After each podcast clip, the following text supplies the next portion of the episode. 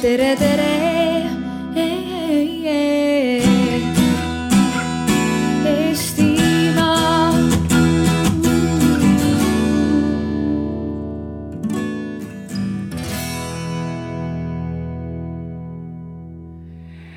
Nii, meil on siin äh, seitse inimest, päris palju, aga see on tore, sest see on väga hea variaablus tegelikult väga erinevatest seisukohtadest.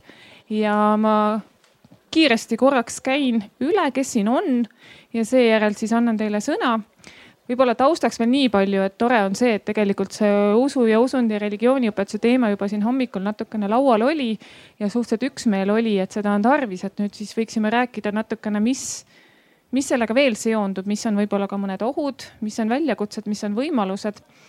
ja alustuseks kindlasti on oluline siis märkida, et usuõpetus ja usundiõpetus on kaks erinevat asja. usu, meie Eesti riigi seaduste alusel saab usuõpetust anda ainult kristlikus erakoolis või siis noh, erakoolis. kool ei pea iseenesest olema kristlik.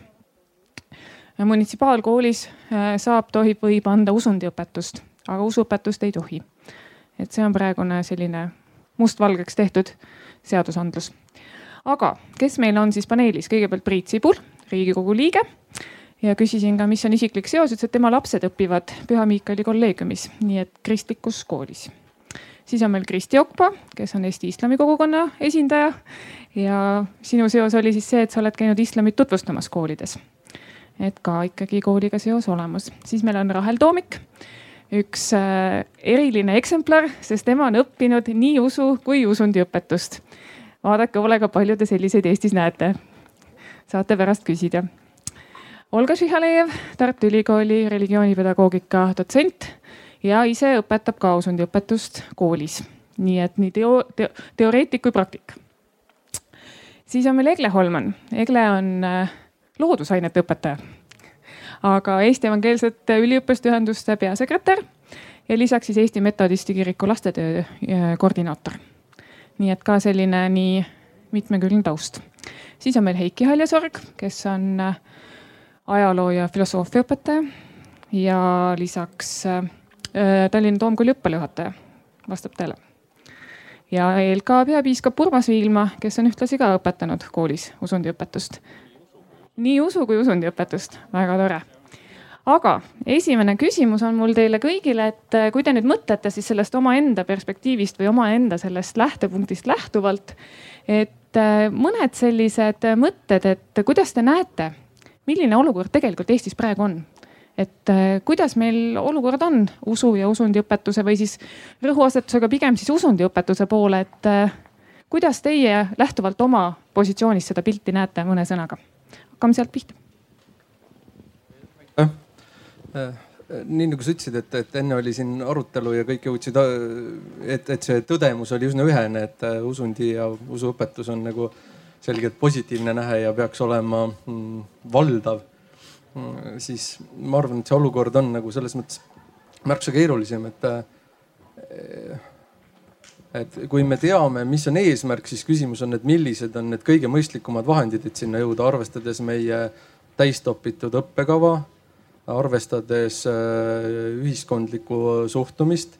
tegemist on äh, ühe suhteliselt erilise nii-öelda õppeainega, kui me räägime niiviisi, mis on laetud väga selgetest väärtustest, et võib-olla ainult, ma ei tea, seal muusika või, või kunstkirjandus, kus me, kus me saame samasugust väärtuspõhisust kajastada, et kindlasti nii-öelda ühiskondlik diskussioon selle üle tekib, et, et me, et me saaksime positiivse, et me jõuaksime selle eesmärgini, minu meelest need vahendeid valida tuleb ikkagi kuidagi väga, väga läbimõeldult ja ettevaatlikult ja, ja, ja ühiskonda mõistlikult ette valmistades.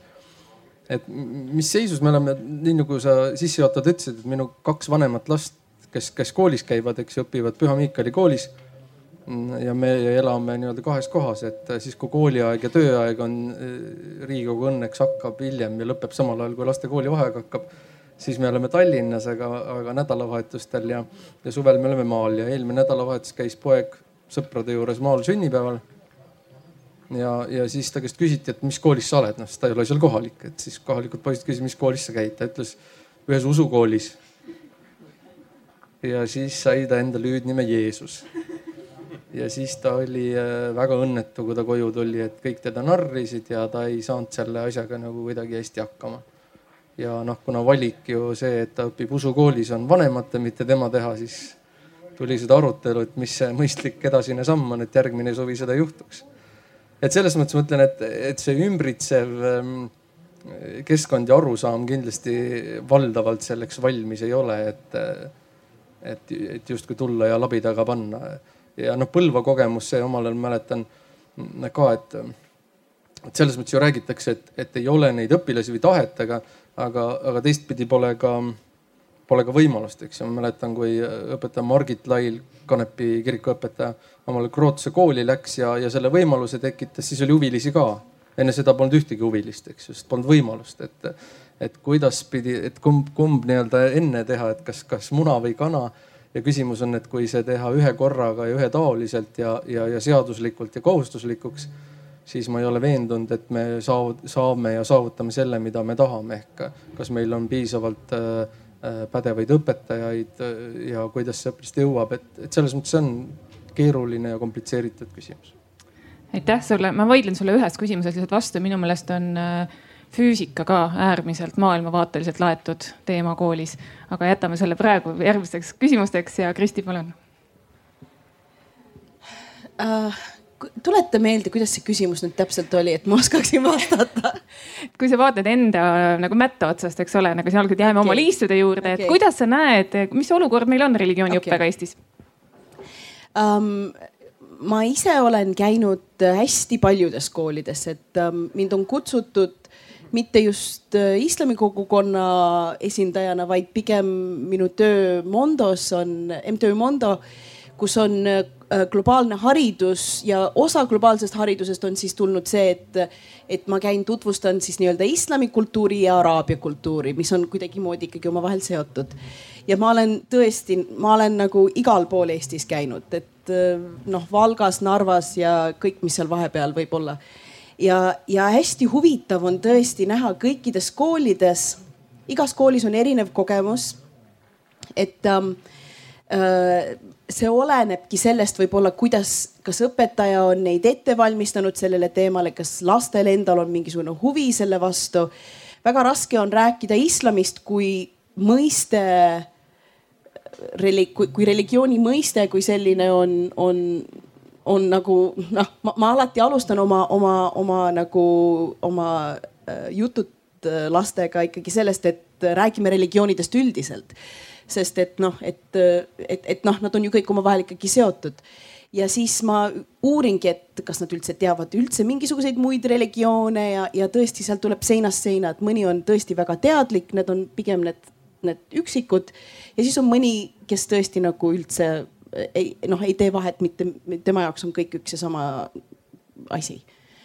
et, ähm, et minu meelest äh, olukord on selline, et, et, et võiks ma ei, ma ei taha propageerida, et nüüd me hakkame siin igasuguseid religioone õpetama lastele, aga võib-olla see religiooni mõiste võiks juba, sest et Eestis see, see sõna religioon tekitab kõhedust üleüldises mõttes, nii et nagu ega keegi noh, kui sa ise ei ole sellisest perekonnast siis kus võib-olla praktiseeritakse mingisugust religiooni, siis, siis see, see tundub nii võõras ja kuidagi no just see, et sa saadki endale siis jumal noh, sellise hüüdnime nagu Jeesus või siis äh, midagi muud äkki.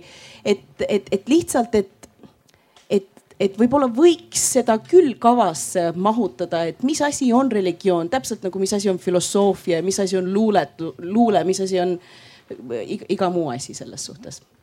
aitäh võib jätkata? ja palun mm, olles nüüd äh, saanud usundiõpetust, äh, väiksel määral usuõpetust, on äh, väga raske alahinnata neid teadmisi, kuigi need mahud on muidugi väikesed, nagu siin juba eelnevalt on räägitud õppekavade tihedusest. aga tõesti erakordselt raske on alahinnata seda, see on minu jaoks väga tähtis, et ma olen seda saanud tundes oma eakaaslasi, tundes nende maailmataju, selliseid asju, siis jällegi tundub, et on väga raske alahinnata seda. et see on minu meelest üks asi, mis on, mis on puudu see on, ma kahtlustan, mulle ilmselgemalt puudu kui, kui näiteks sõpradele, tuttavatele, ka võõrastele eakaaslastele, sest et noh, minu eriala on ka usuteadus. aga see on tükk, mis on täiesti selgelt puudu, et tuntakse kirjandust, tuntakse ajalugu, tuntakse seda, kuidas ühiskond toimib, noh kõike, aga see religioonitükk on väga sageli eh, ja väga ilmselgelt puudu. Ehm, ja minu arvates see on see, milles usundiõpetus saaks, saaks kaasa aidata. Ehm, kuidas seda täpselt teha, on muidugi iseasi. tundub, et seal, kus usundiõpetus on ja ka usuõpetus tegelikult, siis seal teda väga armastatakse, väärtustatakse, hinnatakse, aga seal, kus seda ei ole, on seda suhteliselt raske ka sisse viia või võõrastatakse. aitäh, Olga. Äh, ma vaatasin korra üle eile, enne kui ma kodust ära läksin, et äh, kui paljudes Eesti koolides siis meil usundiõpetust on. ja tulemus on selline, et kuuskümmend viis kooli kui vaadata täpsemalt, siis umbes veerand, umbes täpselt veerand gümnaasiumitest pakub sellist ainet nagu usundiõpetus ja selles mõttes vaadates ajas tagasi, siis siin on toimunud selge areng. ilmselt osaliselt ka tänu sellele, et siis aastast kaks tuhat üksteist on usundiõpetus riiklikus õppekavas kirjeldatud, et millega on tegu sest kui me mõtleme üheksakümnendate algusele tagasi eh, siis alates sellest ajast on ju tegelikult need arutelud käinud, et kas eh, usuõpetus peaks olema, ei peaks olema ja eriti tuliselt on alati eh, rääkinud need, kes, kellel endal ei ole mingisugust kogemust usu ega usundiõpetusega ja mul on väga hea meel, et Rahel täna siin on et, et ta oli nõus ka nii-öelda õpilase perspektiivist äh, seda käsitlema. küll aga äh, kui vaadata põhikoole, siis enamasti nendest põhikoolidest, kus oli kas usu või usundiõpetus, enamus nendest on just nimelt need maailmavaatelised koolid, et põhikoolidest äh, umbes kümme oli jah neid koole, kus on äh, mitte kristlikes koolides äh, on äh, usundiõpetus. Ja siin ma näen küll täiesti valukohta selles mõttes, et noh, meil on kohustuslik haridus ju just põhiharidus, et on päris mitmeid noori inimesi, kes lähevad meie haridussüsteemist, kes, kellel puudub selline terviklik arusaam, ka kriitiline pilk nii enda kui teiste religioonidele. Äh, oskus võib-olla veidi süsteemsemalt äh, asjale läheneda, et äh, kõik ei oleks puder ja kapsad nii et jah, siin, siin on ilmselt arenguruumi ja kui mõelda selle üle, et, et noh, kui ma olin ka selles kaheteistkümneses aruteluringis siin, kus publikust tuli siis küsimus, et kes ei ole nõus et on probleeme meil äh, religioonialase kirjaoskusega, et, et kes ütleb, et seda haridust ei ole vaja koolis, siis mitte ükski panelistidest ei olnud selle väitega nõus. et selles mõttes ma arvan, et me põhimõtteliselt oleme peaaegu kõik on nõus, et jah, seda, sedalaadi haridust on vaja, aga just nimelt, et küsimus siis äh, kuidas, äh, mil, mil määral, mil viisil, miks ei miks ei rahulda see riiklikus õppekavas eh, kirjeldatud versioon, mis tundub siiski üsna tasakaalukas, et samamoodi, et kui ma mõtlen ajaloole tagasi, siis see, mida, mis oli üheksakümnendatel usuõpetus, kus tõepoolest ka esimeses kooliastmes oli väga tihti oli just nimelt, et see tasakaal on nüüd liikunud pigem selle poole, et on gümnaasiumis. üheksakümnendate alguses oli usuõpetus oli peamiselt esimeses kooliastmes, kust nüüd on ära kadunud ja ja enamasti, mis seal sisuks oli, oligi noh piiblilugu, sest lood on need, mis on eakohased lastele. kui ma kahe tuhandendate alguses viisin läbi uuringut noorte inimeste seas, üks hirmutavamaid või minu jaoks kui selle ainega tegelenud inimese jaoks oli kõige tõsisem mm, tulemus oli see, et religiooni suhtes kõige lapsikumad seisukohad olid nendel noortel inimestel, kes olid tolleks ajaks, kui me neid uurisime juba kuskil kuueteist, seitsmeteist aastased, just nendel, kes olid saanud usualast haridust öö, noores põlves, aga hiljem mitte. ja see läheb arenguteooriatega väga kenasti kokku selles mõttes, et et usuline areng, ta ei saa ettepoole mõtlemise arengust minna, küll aga jääda kuskile pidama. ja see tähendab, et kui neil hilisemas eas ei ole just nimelt niisugust kriitilist hariduslikku kokkupuudet selle religiooniga, siis see mõtlemine usust ja kogu sellest valdkonnast, nii enda kui ka teiste usust, jääbki sellisele lapsikule, naiivsele tasandile, kus noh, pannakse kõik asjad ühte patta. aga ma olen vist aega kole palju ära võtnud. Ma täpsustaks ühe asja lihtsalt, kui sa ütled, et kuuskümmend viis kooli, kas meil on umbes üle kuuesaja kooli Eestis kokku mm,? üle neljasaja. üle neljasaja mm, -hmm. kunagi oli üle mhm. kuuesaja mm -hmm.. jah, jah, jah, jah, neid on, see koolivõrk on äh, tihendatud nüüd. et siis üle kümne protsendi julgelt mis ei tähenda, et üle kümne protsendi õpilastest õpib usundiõpetus, sest osades koolides on see küll noh, näiteks nagu Treffneris on humanitaaridele näiteks kohustuslik, aga ehm, reaal- ja loodussuunale on see vaba valik, ehk siis mitte kõik ei vali seda. kuigi päris paljud valivad, sest ta on tõesti huvitav aine, nagu Marju Kõivupuugi ütles, et need, kui ülikoolis pakutakse neid võrdleva usundiloo kursuseid, siis need on tulvil huvilistest. aitäh, Egle et nagu Olga juba mainis, et tõepoolest meil on äh, väike protsent neid koole, kes praktiseerivad seda. Äh, samas äh, ma just ka kuskilt vaatasin, et see Viljandi Waldorf kool pakub usundiõpetust endiselt nagu algkoolil, see vist ei ole ka päris nagu õige, nad ei ole vist selleks valmis, sest et äh, lapsevanematega rääkides siis selgub, et see külvab palju segadust. nüüd olles siis üliõpilastega tegeleja, mis ma siis võin öelda selle kohta, kui tulevad meile mittekristlased või siis üldse religioonidest mitteteadlikud olevad üliõpilased on need, et äh, nad ei oska ennast määratleda ei religioonimaastikul või, või siis mida nad usuvad Neil on tihti hästi vildakas minapilt ühte või teise pidi ja arengupsühholoogiliselt nad on natukene tagapool neist, kes on saanud siis usundiõpetust või, või siis religioonilist määratlust. Äh, laste koolis olles lastega tegeleja ja õpetaja, siis äh, järjest vähem on tänapäeva lapsed teadlikud ka kristlikest pühadest, rääkimata islamist, rääkimata veel mingitest muudest Aasia usunditest. Äh, samas hästi paljudes kodudes on praktiseerimisel igasugused Aasia praktikad.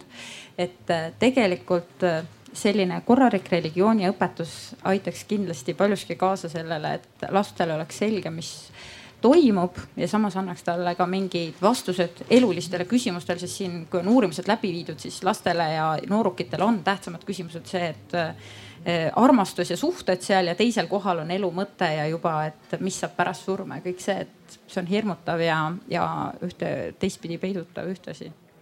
et ma arvan, me võiksime tõepoolest selle nimel tegutseda, et see kaks tuhat kümme oli väga tore, et meil on nüüd nad riiklikus õppekavas sees aga me saame seda arendada kindlasti paremaks, et rohkemate laps, lasteni see äh, viiks, sest et me oleme praegu ju globaliseerunud külas ja, ja sellepärast meil ükskõik, kuhu nad edasi lähevad, kas ärimaastikule, poliitikasse või tööalaselt, neil on seda vaja.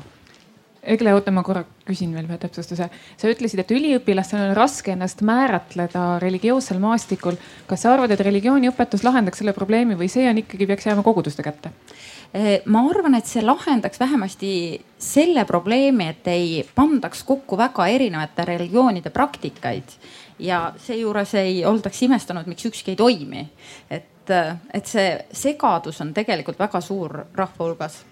Olga tahab kommenteerida jah, et see oli ka meie uuringus väga põnev, et just need koolid, kus oli eh, mingit laadi religioonialane haridus Äh, nendes koolides oli kõige rohkem ateiste ja agnostikuid, ehk siis see andis mingisuguse sõnavara selleks, et ütelda, kes ma olen. ja nendes koolides on ka palju sünkretistlikke uskude, et, et äh, nad annavad endale aru, et nad kombineerivad, et, et see õpetus kindlasti ei võta seda võimalust mitte ära, vaid pigem, pigem jah. jah, nad teevad seda teadlikult jah, rohkem teadlikult. nii, aga Heiki kuna mina olen äh, õpetanud üliõpilaste haridusajalugu, siis ma vaatan nagu pigem sellele teemale sellest haridusajaloo perspektiivist. et kui me võtame aasta kaks tuhat kaheksateist ja võtame ajaloos varasemad, siis on, on asju, mis on meil paremini kui ajaloos varem ja on ka kehvemini. et kui me võtame keskajal, siis äh, olid kloostri kiriku koolid ehk siis äh, kõik said valdavalt siis usuõpetust koolis kätte. kui me võtame aastad üheksasada kakskümmend ja kuni aastani üheksasada kakskümmend kolm, kui Eesti oli Tartu rahulepingu sõlminud ja, ja koolidest oli usuõpetus ära viidud, siis see olukord oli oluliselt halvem, kui ta on praegu. kui me võtame pärast üheksasada kahekümne kolmandat aastat, siis, siis läks ju olukord paremaks, sest koolides pärast rahvahääletust kui seitsekümmend kaks protsenti seda toetas, oli see koolidele kohustuslik, õpilaste vabatahtlik, aga õpilased tavaliselt ei loobunud, sest vanemad ei kirjutanud avaldust muidu, kui võtame nõukogude ajal, kui mina läksin kooli üheksasada kaheksakümmend neli, siis äh, usuõpetust ei olnud, ehk siis seis oli sel ajal halvem. kui me praeguse ajaga võrdleme, siis kindlasti on parem seis.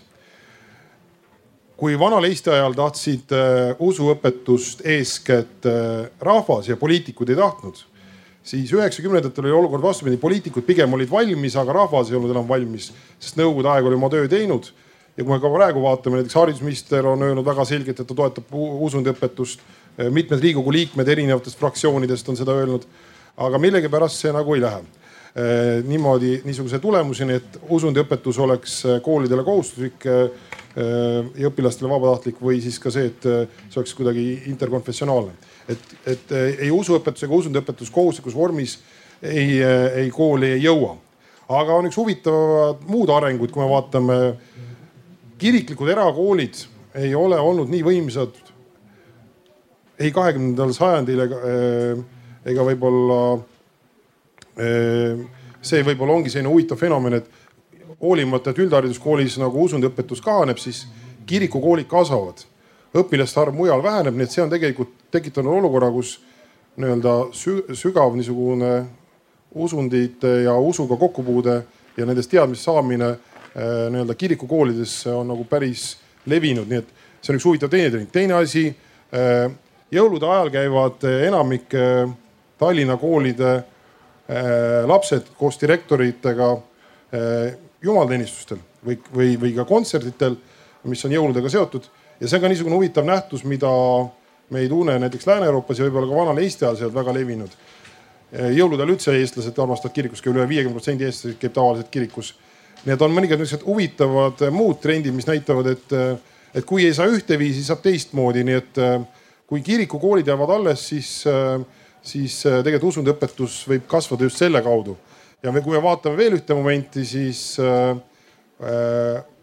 näiteks Tallinna Toomkooli näitel. Toomkool ei ole ajalooliselt äh, nii palju õpilasi ei olnud Toomkoolis ei üheksateistkümnendal sajandil, kaheksateistkümnendal, seitsmeteistkümnendal, kuueteistkümnendal, viieteistkümnendal, neljateistkümnendal ega kolmeteistkümnendal sajandil. ehk siis kirikukooli õitseaeg on saabunud kahekümne esimesel sajandil, et see on omamoodi fenomen et lapsevanemad tahavad oma lapsi kirikukoolidesse panna ja pigem on ukse taga järjekord. et kui üldhariduskooli ei saa, no siis kasutame teisi võimalusi, et tuleb olla mõistlik ja paindlik. ma ütleks, et mõned trendid on niisugused, mis äh, rõõmustavad ja mõned, mis on niisugused neutraalsed ja mõned siis ka pisut kurvastavad. aga kui me oleme nutikad ja, ja asjadega peale mõtleme ja siis äh, on alati võimalik leida ka positiivseid noote selles küsimuses, nii et meie seis ei ole praegu palju halvem Äh, kui võib-olla aastal üheksasada kakskümmend, nii et, et alati ei tasu nagu väga pessimistlik olla aitäh, huvitav oleks teada, kas kasvav arv, et ei ole nii suur kui kaheteistkümnendal, kolmeteistkümnendal sajandil, on ka protsent ühiskonnast, et palju Tallinnas elas inimesi sellel ajal? no Tallinnas elas keskajal viis tuhat kuus, vabandust, seitse tuhat, kaheksa tuhat inimest ja Tartus oli viis tuhat, kuus tuhat inimest. Need arvud, noh, kui me võtame, et Toomkoolis on kakssada, need kakssada last seal ei õppinud. protsentuaalselt linna elanikest muidugi äh, ei ole ka kindel, et, et kuidas need protsendid täpselt jagunesid, aga ütleme nii, et algul oli ainult kaks kooli Tallinnas, kloostrikool ja kirikukool ehk siis see Toomkool seal üleval Toompeal. et viiskümmend protsenti jah, sellist, et viiskümmend protsenti käiks Tallinna Toomkoolis nüüd. see ei oleks isegi Gustav Adolfi direktor, direktorile jõukohane selline eesmärk, et noh, lihtsalt Tallinna on liiga suureks kasvanud vahepeal. jah, leidsime üles, kus probleem tegelikult on, aga Urmas jah, kui küsimus oli, et milline on praegune olukord või kui ma nüüd oma, oma mätta otsast vaatan, et kuidas ma siis kirjeldaksin seda praegust olukorda, siis, siis noh, on hästi palju mõtteid. tegelikult selles esimeses paneelis, mis täna toimus ja millele siin juba viidati, kus, kus kõik paneelis osalejad alates siis maausulistest kuni ateistideni välja nentisid või nõustusid sellega, et meie religioonialane harimatus Eestis on, on valdav ja see vajaks parandamist, siis tegelikult see ongi see probleem. Kas see on, see on see, mida nüüd Priit, millest Priit ka alustas, et, et kas see lahendus on äh, kohustuslik äh, usundiõpetus kõikides koolides. tõenäoliselt see ei ole äh, siiski võimalik lähtuvalt juba sellest, et on õppekavad täis, ei ole piisavalt õpetajaid, õpetajad ei saa piisavalt koormust ja nii edasi. järelikult tuleb selle probleemi lahendamiseks leida muid teid. see võib olla praegune teatud mõttes jokk-olukord, kus riik on justkui oma töö teinud ja ta on riikliku õppekava kehtestanud äh, kui, kui sageli mõne poliitikuga rääkida, siis nad ütlevad, aga on olemas ju, riiklik õppekava on ju olemas. Aga Olga tõi välja selle, selle pildi, tegeliku pildi, et äh, umbes neljasajast koolist või üle neljasaja kooli ja kuuskümmend viis on ainult, kus toimub mingisugune usundiõpetus. ja see ka mitte ju kõikidele õpilastele, vaid ainult äh, valikainena ja, ja kakskümmend viis protsenti gümna-, gümnaasium ei tähenda et, et kakskümmend viis protsenti gümnaasiumi õpilasi õpib, vaid, vaid nendes gümnaasiumites on see ka valikaine võib-olla ainult ühes või teises suunas või, või, või teatud õpilastele. Nii et eh, meil on justkui olukord, et kõik on ära lahendatud seadusandlikul tasemel, aga probleem on ikka see, et usuline või religioonialane kirjaoskamatus on väga, väga kõrge. Eh, viimati, kui haridusministriga sai sel teemal räägitud, küsis tema, seal olid ka Eesti Kirikute Nõukogu esindajad, küsis tema, et aga äkki lahendaks seda probleemi paremini see, kui me nüüd võtaks teiste ainete õppekavad lahti ja vaataks nüüd, kuidas on ikkagi muusika ajaloos, kuidas on kirjanduses Äh, kuidas on ajaloos, ühiskonnaõpetuses need teemad kaetud. sest äh, olgem ausad, täna on ju niimoodi, et iga õpetaja saab ju ise otsustada, kui palju ta keskendub teatud teemadele oma ainevaldkonnas. ja, ja tõenäoliselt, kui õpetaja teadlikkus on madal ja tema mm, põhimõtted on, on kuidagi äh, religiooni suhtes, ma ei taha öelda vaenulikud, aga, aga, aga mitte, ta ei ole väga motiveeritud neid teemasid võtma, siis ta oma konkreetse Äh, ainekava oma konkreetses aines seda mm, programmi koostates üheks õppeaastaks, ta võib selekteerida välja religiooniga seotud teemad nõnda, et ta üldse neid ei käsitle. Nad võivad olla riiklikus õppekavas ära toodud, aga ta tegelikult ikkagi ei räägi ei, ei ristiusu tulekust äh, nii-öelda neutraalses võtmes, ei käsitle reformatsiooni, rääkimata sellest, et kirik on ka täna tegutsev, et et ühiskonnaõpetuses räägitakse usulistest ühendustest, kes ka täna tegutsevad, et kirik ei ole midagi, mis oli kunagi ajaloos ja nüüd on järele jäänud mingid hooned, kuhu me saame nagu muuseumisse minna, vaid kirik tegutseb ka täna ja, ja tal on roll ühiskonnas. et võib-olla on võimalik lahendada kombineeritult seda, seda usulise kirjaoskamatuse küsimust nõnda, et, et on nii usundiõpetus kui ka äh, ainekavad, kus me vaatame need selle valdkonnaga seotud asjad, äh, asjad läbi ja, ja rõhutame, et neid tuleb siiski käsitleda, et see ei ole nii väga vaba valik, kas käsitleda või mitte käsitleda. ja kui veel paar asja välja tuua äh, ma, ma küsin lihtsalt Olga käest, et seesama uurimine või uuring, millele sa viitasid mitu korda, kas ei tulnud mitte sealt välja ka see, et need koolid, kus oli religiooniga seotud aine oli õpilaste teadlik sallivus teiste äh, isikute suhtes, teiste inimeste veendumuste suhtes kõrgem. ehk siis tegelikult äh, sa noogutad, ma seda tahtsingi, et sa teeksid. ehk siis need õpilased, kes on õppinud usundilugu või usundiõpetust või ükskõik, mis tema nimi on ajaloos olnud Äh, need inimesed on teiste inimeste ja õpilaste arvamuste ja veendumuste suhtes sallivamad. ja, ja see on olnud ju viimaste aastate selline mantra, see sallivuse teema, mida me oleme kogu aeg kuulnud, ehk siis sallivust ei kasvata mitte usuline teadmatus, vaid religioonialane teadlikkus kasvatab sallivust. ja, ja siit ka veel üks märkus Eglele või, või vastus või arendus, et kui, kui tudengid ei oska iseennast identifitseerida või, või oma identiteeti määratleda siis teadmatus tähendab ka seda, et nad ei oska ka oma, oma tuttavate identiteediga midagi peale hakata. kui neil on äh, keegi tuttav kuskilt välismaal, kes ütleb, et tere, mina olen budist siis, siis äh, Eesti üliõpilane, kes ei ole või õpilane või kes iganes Eesti ühiskonna inimene, kes ei ole haritud piisavalt, ta ei oska midagi selle teade, teabega peale hakata. ahah, budist, ahah või, või, või moslem, ahah. et, et tegelikult me, meil on vaja iseenese, aga ka teiste määratlemiseks seda haridust. aitäh toon vahepeal välja usust elust, usuelust uuringust välja tulnud äh, andmed et küsiti siis, et äh, millises kooliastmes, küsiti siis iga kooliastme kohta, et kas seal tuleks anda äh, religiooniõpetust, oli seal vist sõnastatud nimelt religiooniõpetusena see, äh, täpsustamata siis selle sisu. ja ka põnevad on arvud, et lasteaias seitsekümmend viis protsenti arvab, et ei tuleks anda. Esimene kooliaste kuuskümmend kuus protsenti inimene vastandatest arvas, et ei tuleks anda. teine kooliaste see protsent kogu aeg väheneb, teine kooliaasta viiskümmend neli, kolmas kooliaasta kolmkümmend seitse ja gümnaasiumisse on see jäänud siis kahekümne seitsme peale.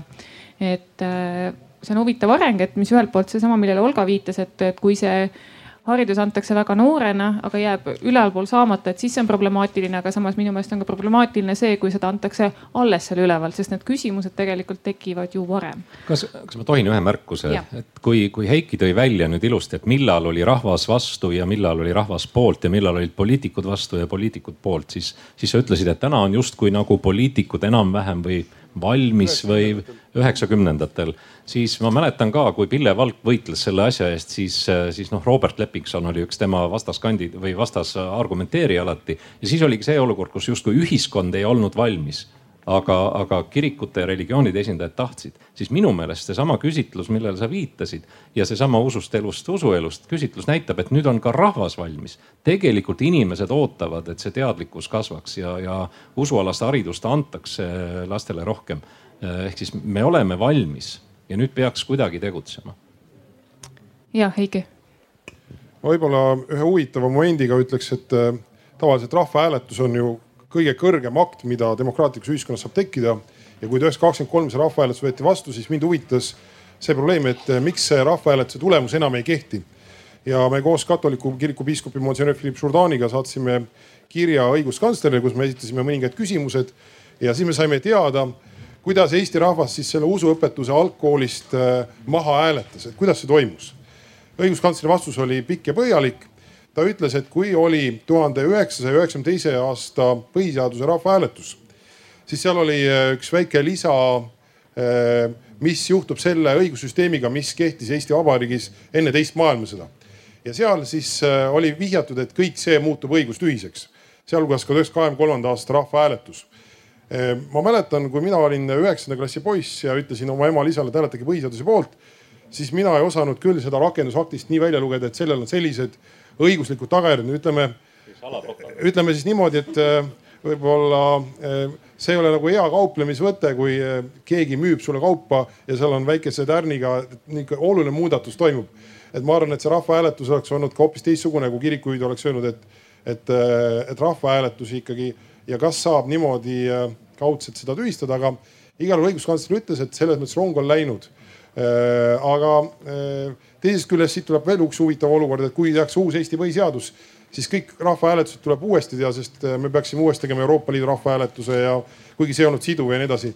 et siit tekib väga huvitavaid pretsedente, nii et me, ma arvan, meil see üheksakümne teise aasta põhiseadus peab jääma pikaks ajaks, sest see tekitab sellise Pandora laeka.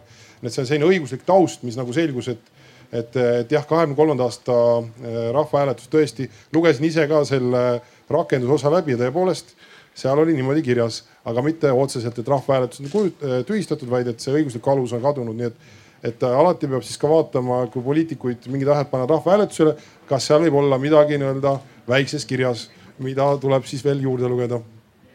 Nii, aga aitäh, tänase paneeli nimeks on religiooniõppest eelarvamusteta väga keeruline võtta midagi ilma eelarvamusteta, et äh, ma mõtlen, et äkki me proovime need äh, kuskil siin kõrgel eksisteerivad eelarvamused siiski ümber lükata. ja ma paluksin teil, kuna taaskord noh, paneel, te näete, kõik on poolt, on ju, et religiooniõpet on vaja, ennem isegi ateistid olid poolt, et on vaja, kõik on poolt. aga palun igalühel leida üks probleem mis äh, usundiõpetusega võib kaasneda, et kui meil on koolis, kõikides koolides on usundiõpetus siis palun tooge mulle välja üks probleem. aga et me ei jääks probleemi keskele, siis palun tooge ka lahendus. no ma võin tuua välja ühe hästi praktilise probleemi, nähes seda siis ka äh, selles samas Tallinna mm, Toomkooli näitel ja ka oma kogemuse näitel, olles äh, nii usu kui usundi kui religiooniõpetuse õpetaja jooksul olnud. see on äh, piisava ettevalmistuse saanud õpetajate puudumine siiski ja õpetajate koormus ehk siis, kui nüüd üks õpetaja saaks ühes koolis kätte täiskoormuse, mis on siis umbes kakskümmend noh neli tundi siis, siis ta toidab ennast ära. aga kui praegu ta on valikaine äh, ja, ja äh, üks või kaks tundi on ühes koolis ühes nädalas seda ainet, siis äh, selle spetsiifikaga õpetaja lihtsalt ei saa koormust järelikult temast saab selline rändõpetaja, ta peab, ta peab kakskümmend kooli võtma nädala sees läbi, et ta saaks oma täiskoormuse kätte. ja kuna seda probleemi on raske lahendada, siis saab ka täna sellest aine, äh, selle aine õpetajateks osutuvad mõnel juhul teiste ainete õpetajad, kes saavad siis oma, oma muudele ainetele lisaks veel paar tundi, et oma koormust täis saada. aga see ei pruugi tähendada, et nad tegelikult oskavad seda või nad on piisavalt ette valmistatud selle, selle aine andmiseks äh, nii et sa tahtsid ühte probleemi, ma praegu lihtsalt tõin kiiruga ühe, ühe probleemi et isegi kui meil oleks niimoodi näiteks iga astme kohta üks tund igas koolis, esimeses, teises, kolmandas astmes, pluss siis gümnaasiumis selline vastavalt õpilaste valikule, siis ikkagi ei saa ühes koolis tõenäoliselt üks õpetaja täiskoormust. ja, ja, ja see on päris suur probleem. järelikult tuleb seda teisiti lahendada, et, et noh, lahendada olukorda nii, et kõik saaksid mingi, mingi äh, vähemalt mõne kursuse, kõik õpilased saaksid mõne kursuse kohustuslikus korras seda ainet. seda probleemi saaks lahendada väga hästi, viis tundi nädalas usuõpetust, koormus kohe täis ma arvan, see, mis peapiiskop ütles, on väga õige, et see probleem on, et, et kus see koormus kätte saada. ma arvan, üks võimalus oleks siin see, et kõik, kes õpivad kirikuõpetajateks või siis ka preestriteks, et neil oleks ka mitte ainult kirikuõpetaja kutse, vaid kooliõpetaja kutse, sest kui me vaatame, mis on Eesti hariduse üks suurem väljakutse, ma olen ka haridusstrateegia töörühmas, mis Eestile ei puuduta Eesti haridusstrateegiat, siis õpetajakonna, õpetajaskonna vananemine, kvalifikatsioonide puudumine, eriti väljaspool Tallinnat ja Tartut on suur probleem. ja kui kirikuõpetajal see kvalifikatsioon on olemas, ta õpetab mingit muud ainet, mis talle meeldib, on siis arvutiõpetus või matemaatika või eesti keel või ladina keel Äh, kui tema juba koolis on, siis see usundiõpetus tuleb ka oluliselt kergemalt. Äh, aga kui pole inimest aga mis minu enda nagu probleem minu meelest on, on see, et see usundiõpetusega on nüüd juhtunud see olukord, et demokraatlikus ühiskonnas on äh, pluralism ja arvamuste paljusus ehk usundiõpetusel nii erinevad ootused ja siis kuna ta ei ole liha ega kala, siis, siis igaüks ründab teda erinevast nurgast, et ei ole sellega rahul, et kas ta ei ole liiga kirikukeskne või ta on liiga kirikukeskne ja, ja nii edasi ja nii edasi. kui keskaja inimese jaoks oli põhiküsimus see, mis saab temast pärast surm, pärast surma, siis tänapäeva inimese jaoks on pigem nagu kirjaoskus, et kui sa lähed Araabia Ühendemiraatidesse ja on Eesti sõdur seal, siis ei ole mõistlik eh, ennast purju ja lennujaama töötajale otsa kukkuda ja saada kepijoope, sest raha on otsas ja Ameerika saatkond peab sinu eest kinni maksma, et noh, selline olukord ka ühe Eesti ajateenija juhtus. võib-olla usuline kirjaoskus tuleks ka antud juhul väga kasuks aga, aga ma arvan, et eh, kui usundõpetusel on nii erinevad ootused ja lahendust ei paista siin reaalselt silmapiiril, kindlasti kirikujuhid võivad regulaarselt kohtuda võib-olla erakondade juhtidega, et arutada, et järsku ikkagi mingi võimalus on, kasvõi teha rahvahääletus selles küsimuses. siis ma arvan, et see kirikukoolide võimalus, see on kirikukoolil on natuke selgem nägu, et mis seal usundiõpetustunnis tehakse, aga laias laastus ega see usundiõpetus, mis on ka munitsipaalkoolis ja kirikkoolis väga suurt ei erine, nii et, et tegelikult kui me ei saa ühtemoodi, siis teeme teistmoodi, nii et ma arvan, et, et kirikuõpetajate hariduse valikute laiendamine oleks nagu üks niisugune suur võti ja teine on siis see, et kui me ei saa ühtemoodi, siis teeme teistmoodi. see oleks muidugi ka suur võit kirikuõpetajate palkade tõusuks aga sellel ma muidugi vaidlen vastu, et kirikukoolis ja tavakoolis usu, usundiõpetus, ma arvan, et ikkagi erineb, aga okei okay., Egle. nüüd, kui rääkida veel põgusalt sellest äh, tavakoolist ja kirikukoolidest, siis Tallinnas sinna trügimine on tekitud selleks, et eliitkoolidesse ju lapsed ei saa kõik sisse ja tavakoolidesse panna ei taheta ja sealt saab ikkagi paremat haridust. aga mis ma ise mõtlen, on äh, võib-olla siis natukene eemale jääv probleem on see, et lapsevanemate eelarvamused, mis on tegelikult metsikud usundiõpetuse suhtes, kuna neil endal puudub kogemus sellega ja, ja kuna siis nagu mingil ajastul on mingeid äh, eelarvamusi söödetud et võib-olla oleks äh, tark ka nagu lapsevanemaid teavitada. ja, ja kui me räägime nagu kaitseväe puhul, siis äh, kui nemad lähevad sinna ja pakuvad oma seda riigikaitset sinna valikainena, siis reaalselt võetakse otse koolijuhtidega ühendust. et äh, kui tekib selline usalduslik suhe, siis otseselt koolijuhiga, siis võib-olla see koolijuht oskab ka teisiti seda valikainet esitada nendele lastevanematele, ka õpilastele kui, kui vajalikuna ja, ja et tõepoolest siis, siis läheb jälle kvalifikatsiooni peale, et ei oleks need kallutatud, kes seda religiooniõpet annavad, et nad ei teeks seda ajupesu, mida nii kangesti vanemad kardavad mm. -hmm. mul tuleb siin meelde, Egle, sinu selle mure peale üks eestlane, kes Soome läks ja siis laps läks kooli ja noh, seal usuõpetus on algklassides lausa mitu tundi nädalas ja siis ta pidi kodus isale, isale tegema apoloogiat või noh, isa natuke mõnitas teda, et no õpeta siis nüüd, kuidas see palvetamine käib, et natukene keerulises olukorras. see mure, mis minul on seoses usundiõpetusega on midagi sarnast, aga pigem koolis, et nii nagu ühes Inglise uuringus kurtsid lapsed, et mida rohkem nad religioonist teavad, seda õelamat nalja nad oskavad meie üle visata. et, et minu jaoks on nagu tõsine valukoht see, et kuidas teadmisi ja teistesse suhtumist käsikäes kasvatada. et see ei ole lihtsalt noh, mehaaniline teadmiste hulga suurendamine, vaid see on koos elamise oskus, harjumus teist kuulata, teise lugu kuulata, eks ole, et ja tahtmine seda teha. et minu jaoks on see kõige olulisem. ehk siis võib suurendada sallivust, aga tegelikult võib ka üle vindi keerata sellesama asja jah, kui ta jääb lihtsalt nihukeseks noh faktipuruks, mis on inimestest lahus. et ta ta ei seostu reaalsete inimeste uskumustega, sellepärast ma arvan, on üks põhjustest, miks ma olen oma tundidesse äh, alati külalisi ka kutsunud. noh, Kristi on üks nendest, aga, aga erinevaid, erinevatest uskudest inimestest, et õpilased näeksid, et selle taga ei ole lihtsalt noh, mingisugused mõttesüsteemid või kummaliste käitumiste äh, kogumid, vaid selle taga on reaalsed inimesed, kelle elu see tõepoolest mõtestab kes ei saa oma usku nii-öelda noh, selleks hetkeks korraks, kui meil mugav on taskusse panna või taskust jälle välja võtta, kui seda vaja on, vaid noh, see, see ongi osa nende identiteedist ja seda ei saa teistmoodi, kui noh, kohtudes selle konkreetse inimesega, reaalse inimesega. Aitäh, ma lihtsalt hoiatan ette, et kui me oleme selle riviga jõudnud lõpuni, siis ma hea meelega annan mikrofoni ka siis kuulajatele, et Arvamusfestival ikkagi, et me kõik saame üheskoos arvata, et olge siis valmis esitama küsimusi, avaldama mõtteid, aga jätkame.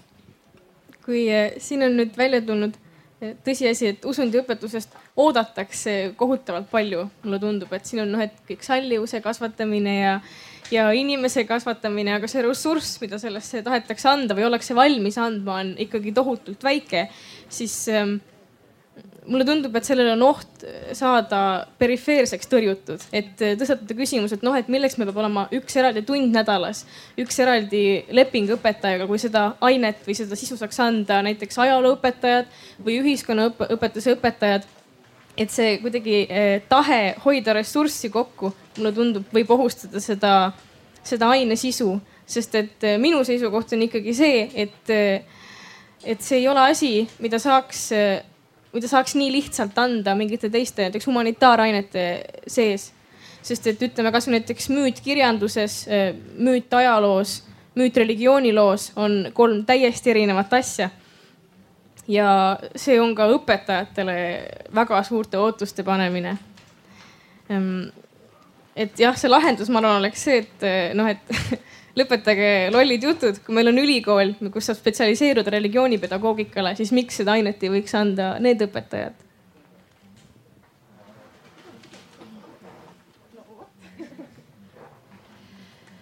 um,? väga raske on kuidagi tuua ühe konkreetse probleemi, et ma arvan, võib-olla, mis on kõige suuremaks probleemiks siin Eestis, on see, et siin ei ole mm, selles suhtes, et, et meil ei olegi selline äh, konkreetne äh, religioonimaastik üldse olemas. nii et, äh, et see, see nagu see tund, mis seal koolis nagu midagi on, on ju, et kindlasti on nagu teatud religioonid, mis on siis, mis on edetabeli tipus, aga isegi need, mis on edetabeli tipus, on ei, ei ole nagu protsentuaalselt väga-väga nagu suures kohas ühiskonnas üleüldises mõttes. nii et, et ja siis ja see konflikt, mis sellest tuleb, ongi, ongi minu meelest see probleem, et, et, et seda tut-, siis tulebki leida võib-olla seda viisi, kuidas seda religiooniõpetust üldse tutvustada kooli. sest et äh, nagu ma ütlesin alguses, et mulle tundub, et see sõna religioon on lihtsalt no nii halva mainega üldse nagu Eestis. et või noh, mitte selles suhtes, et ta, ta nagu tõesti hirmutab inimesi, et kui me juba näe- ja, ja see selle tõttu võib-olla inimesed ei taha isegi, et nende väiksed lapsed sellega kokku puutuvad, sest et noh, kardetaksegi, et, et no ei tea, mida nüüd hakatakse rääkima nendele sellest, et, et ja, ja see, minu meelest see ongi see kõige suurem probleem, me ei saagi, kuidas sa selle õppekava kuidagi lood nii, et, et kõik oleks rahul, see on, see on peaaegu nagu võimatu töö minu meelest. aga ma arvan seda, et kui seda, et ainukene viis, kuidas seda teha, on siis lihtsalt ajaliselt kuidagi seda integreerida mitte ainult äh, nagu ühte tundi, vaid üleüldises mõttes nagu seda võib ju ajalukku viia, seda võib ju selles suhtes, et, et, et, et see religioon ei muutuks selliseks asjaks, mis on lihtsalt mingisugune abstraktne asi, vaid ka näiteks teadlased, kes on olnud kristlasuse taustaga või, või, või, või mingisugusest muust noh, või moslemid või mis iganes, et nagu, et seda kõik kuidagi ühendada, et, et enam, et see sõna iseenesest nagu muutuks kuidagi see religiooni mõiste muutuks kuidagi aktsepteerivamaks äh, ühiskonnas aga, aga samas mulle tundub see suht, e-, e-, et me tegelikult see, see kergelt läbi ei lähe nagu. see, see on kindel nagu, minu, minu meelest vähemalt. no eelkõnelejaga väga nõus, et me, et me ei, ei tea väga palju teisi lapsi. täna minu kolmeseks saav äh, alati, kui me kirikust mööda sõidame, ütleb näe kirik ja siis äh, pigem räägib sellest, et äh, issi meie kirik ja see peaaegu kehtib kõikide kirikute kohta, kust me mööda sõidame minu kolmene teeb sedasama jah. see on meie kirik. kõige suurema probleemina ma näen seda, millega peapiiskop alustas ehk õpetajate ja, ja nii-öelda äh, nende koormuse probleem, aga võib-olla ja teine, ma arvan, on seotud sellega, et kui sinna satuvad ebapädevad või, või nii-öelda niinimetatud usufanaatikud, eks ju, et mis on hirm. Aga ma arvan, võib-olla, et kui, kui mitte selle juurde jääda, vaid, vaid püüda nüüd päris originaalset probleemi ma enam siit jadast ei suuda välja tuua, aga ma vist jääksin selle juurde, millest, millest Egle rääkis, et, et see hirm ja ma ei tea, kas see tuleneb Nõukogudest, et mina ise olen ka mitte kristlikust pärit, äh, perest pärit. noh, nii palju kui vanaema voodi ääre peal enne magamaminekut palus, et nii palju ma sellest äh, teadsin aga minu hea sõber Põlva Maarja kirikuõpetaja, kes on usundiõpetuse õpetaja Põlva riigigümnaasiumis osaliselt või, või põhikoolis et tema ütleb küll, et temal nii palju usku ei ole, kui nendel ähm, lapsevanematel, kellel on hirm, et ta need ära pöörab. et kuidagi, kuidagi see hirm äh, on selle üle palju suurem ja siis ta kogu aeg, me aeg-ajalt naerame selle üle, et kuidas tal on usku palju vähem kui, kui, kui nendel teistel, kes, kes arvavad, et ta neid ära pöörab ja ma arvan, et ega siin ei olegi muud kui, kui teadlikkuse küsimus, et kui enne siin oli identifitseerimise ja sellega seotud teemad, eks ju, et kuidas me identifitseerime edasi. ma olin äh, eelmisel perioodil, kui ma parlamendis olin Rahvusringhäälingu nõukogus ja, ja siis üks, üks õhtu vaatan AK-st uudiseid. ja see oli see uudis, kus näidati, et üks, äh, üks asiaat võeti Tallinnas kinni, keda siis kahtlustati seal Põhja-Koreaga mingi, mingi tuumarelva nii-öelda kuidagi selles mahhinatsioonides ja asjades. Ja mis selle uudise taustaks näidati, näidati äh, Jaapani turiste, kes Tallinnas vaatasid, vanalinnas vaatasid maju. Läksin sinna, küsisin, et kuidas, kuidas noh, et mida te nagu teete? Ja, ja ma ütlen ausalt, et mina ise pean üsna tihti pingutama et, et kui räägitakse islamist, et, et ma ei tõmbaks võrdusmärki äh, Talibani äh, mässuliste ja, ja nii-öelda äh, noh terroristidega. et, et see, mida ma nagu ümbrusest saan, on, on nii võimas ja ühesuunaline et, et ma pean pidevalt pingutama selleks ja, ja noh, see on minu arust nagu küsimus seesama, et meil kellelgi ei ole kõhklust, et seda vaja on. aga nüüd see, et me saaksime seda õiges vannuses ja, ja õigel viisil, aitäh. jah, no näiteks kui me vaatame võrdluseks äh, Soomet, siis äh, noh, mida, see on minu isiklik kogemus, see ei ole nüüd mingil uurimusel baseeruv. mina näen iga suvi Soome leerilapsi. Ja eks need õpetajad ütlevad ka, et eks nendega on paras äh, noh tegelemine, need siuksed viieteistaastased leerilapsed ei ole kõige lihtsam rühm. Aga peaaegu kõik soomlased käivad selle leerikursuse läbi ja mis on selle asja tulemus, et neil on seesama kirjaoskus. Ja, ja tegelikult sellega tegeleb, noh, ma saan aru, et seal on koolis ka, aga sellega tegeleb ka kirik, et see on selline koostöine, koostöine lahendus tegelikult ja just, et ega paljud neist ei jää kirikusse nagu oma sisemiselt veendumuselt võib-olla, aga neil on see sõnavara, et see on see suur vahe. aga ma nüüd küsiks, et kas on meil siin kuulajatest mingeid küsimusi? suurepärane paneel on ees ikkagi aitäh juhatajale. Äh, on tore seista sellise auväärse äh, žürii ees ja mm, noh, nii mõndagi on ka minevikust positiivset meenutada. ma tooksin väga ühe lihtsa näite ja see kooli, see põhineb nüüd äh, Kohila mõisakooli ühe õpetaja arvamus, kes ütles nõnda, et ähm, usuõpetus, mis minule muidugi väga ei istu, pärast seletan, et uh, usuõpetus uh, koolitundides on möödaminev nähtus. Usuõpetus uh, peab toimima või saab toimida ainult kooli vahetunni ajal kui ma seda kuulsin, siis see mind natukene ehmatas ja samas ka üllatas aga pisut mõtlesin selle üle. Eh, ja tänagi mõeldes selle üle on siin väga suur tõde ja kuidas me nüüd seda vahetunnil edasi antavat usuõpetust eh, või selle vilja koolis peaksime siis maitsma või siis ka emad-isad peaksid seda tundma, see on juba natukene suurem probleem. ja vot siin me peaksime tegema Äh, väga tõsist tööd, et vanemad võiksid ka samale tasemele saada, kui seda me oleme võimeline koolis rääkima. ja nüüd äh, usuõpetus. Ähm, ma lähtun selle sõna otsesest mõjust ja tähendusest. Usuõpetus on sada protsenti ainult kiriku, koguduse, konfessiooni osa. meeldib see meile või ei meeldi, aga nii see on. nüüd, kuidas siis üldhariduskoolis peaks olema või võiks olla Äh, nii Saksamaal kui ka mujal Euroopas reeglina on küsimus lahendatud, et, et see, et selle distsipliini pealkirjaks on pandud religiooniõpetus.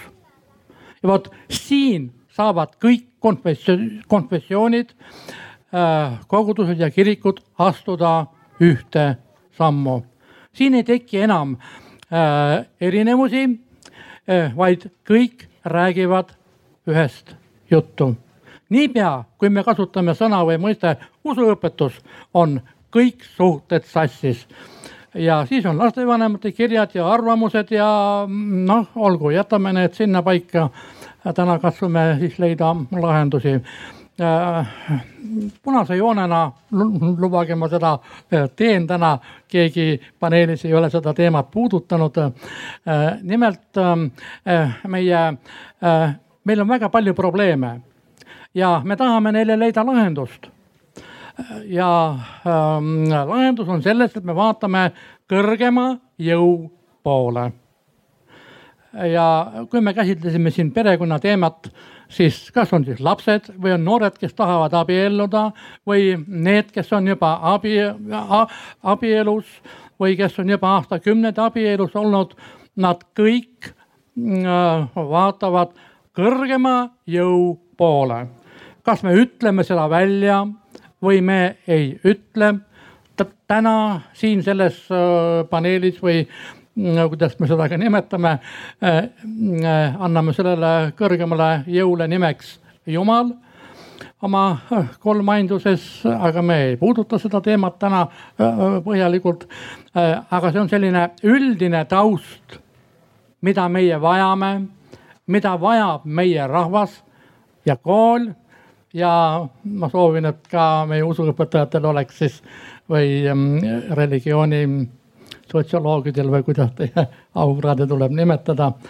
Äh, siin on äh, hea lahendus ja olgu teil ka siis julgus ka tõde öelda nii välja, et see meile mitte haiget ei tee, vaid me tahame selle tõega äh, koos edasi minna, ühte sammu astuda ja olgu teile selleks kõigiks, kõigile palju jõudu ja kuulajatele ka julgust minna meie äh, eesolevate mõtlejatega kaasa, seda altpoolt ka toetame, aitäh.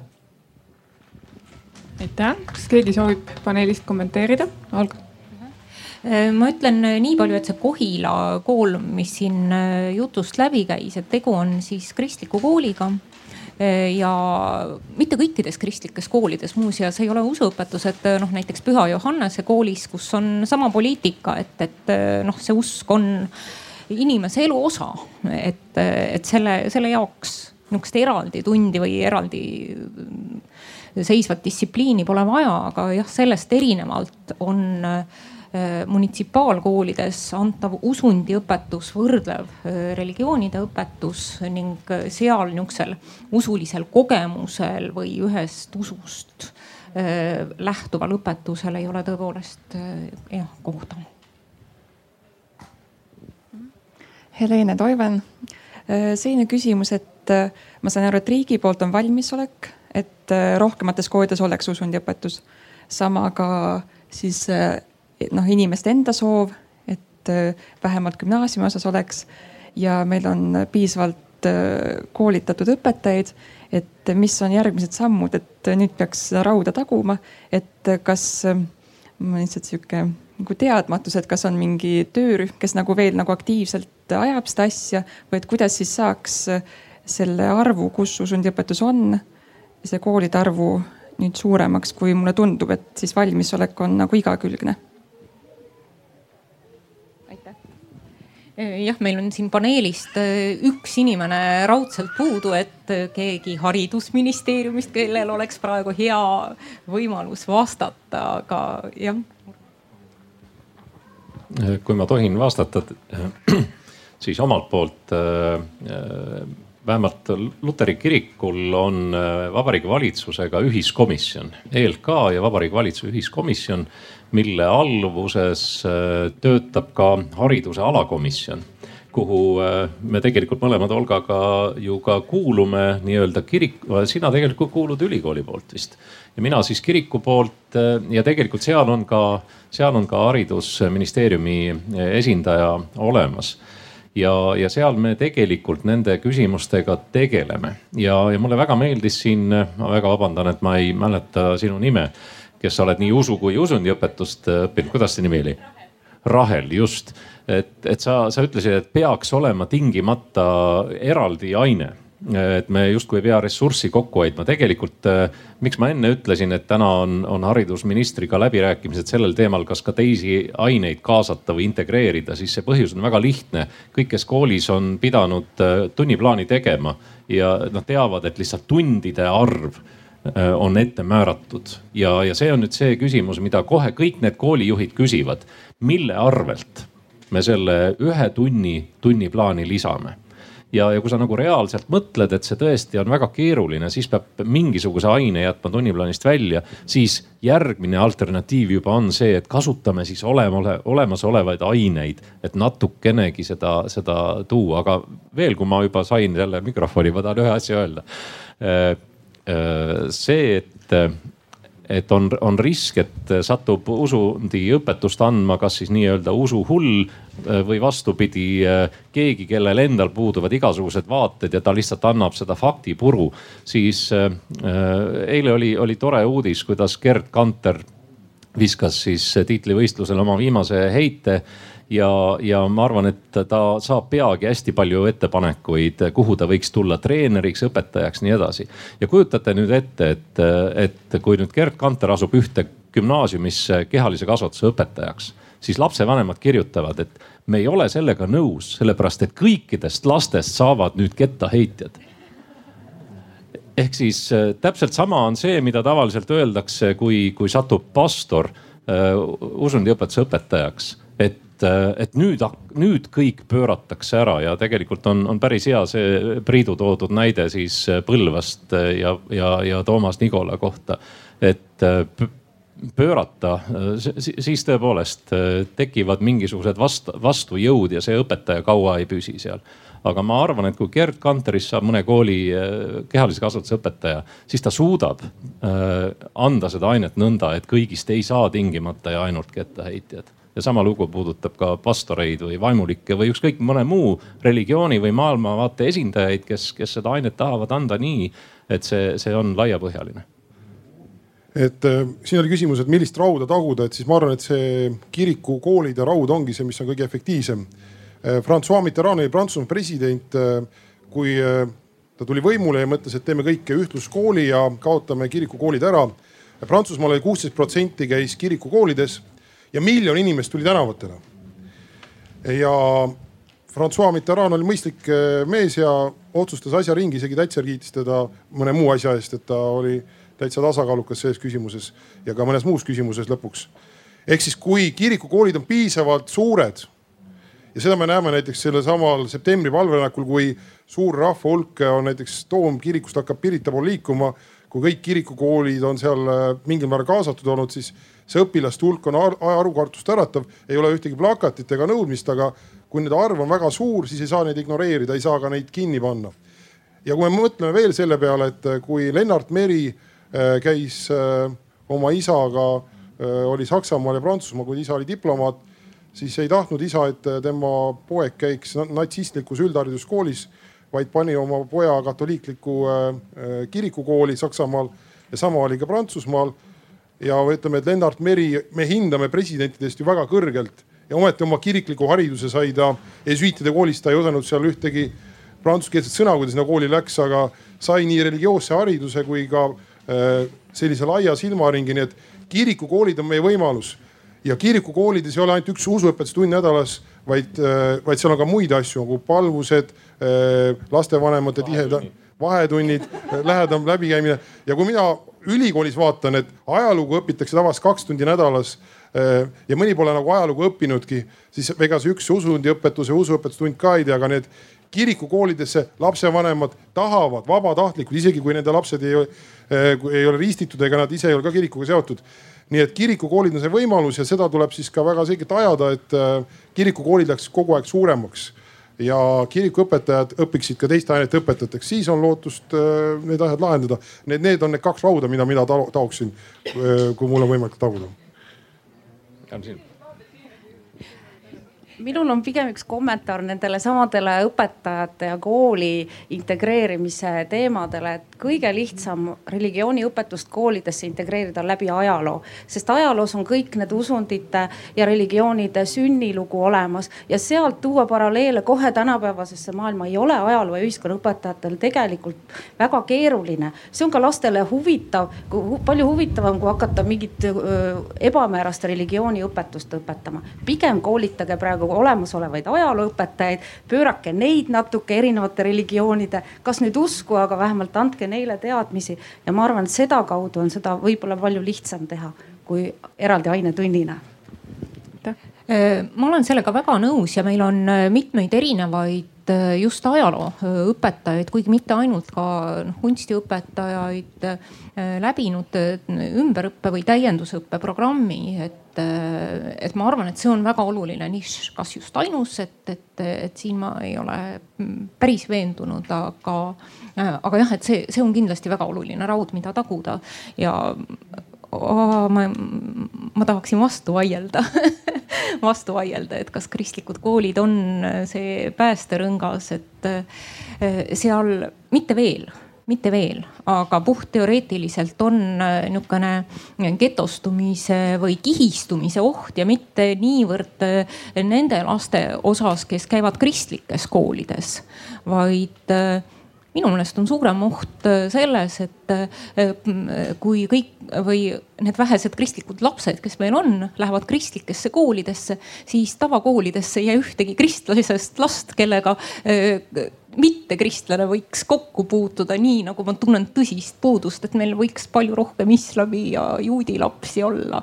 et, et me ei peaks nii-öelda kunstlikult seda mitmekesisust, mida, millega nad kokku puutuvad väljaspool kooli, sinna kooli tekitama et eh, kui rääkides kirikukoolidest ja kristlikest erakoolidest üldse, siis mulle tundub tegelikult nüüd oma kogemuse põhjal, et see usk ei ole seal noh, üldse mitte määrav faktor.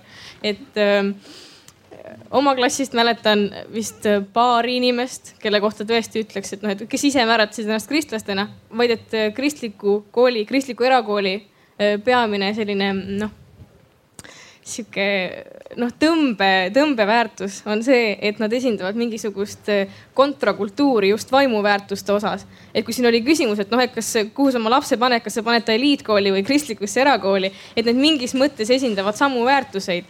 et küsimus ei ole selles, et milline on see usuline õpetus, vaid see, et kuidas lastega tegeletakse, kui palju pannakse pannakse tähelepanu üldse mingi isiku kasvatamisele või, või üldse üldistele vaimuväärtustele ja sellele, et, et haridus oleks, ei oleks mitte kõigile ühe mõõduga, ühe õppekava järgi, vaid et see oleks tõesti mingisugune eraldi väärtus, kõigile eraldi kogemus. et ähm, mulle tundub, et, et see on nagu hoopis suurem kui see, et laps saaks kristliku kogemuse või kristliku kasvatuse. Egle Viilma, Tallinna Toomkooli direktor, vabandust me oleme Heikiga kolleegid, me ei ole terve suvi näinud ja me ei ole kokku leppinud, et kas me räägime sama keelt või, või siis oponeerime. ma arvan, et äh, täna Eesti Kristlike Erakoolide Liitu kuulub üheksa kooli ja need ei ole päästerõngad äh, ainult.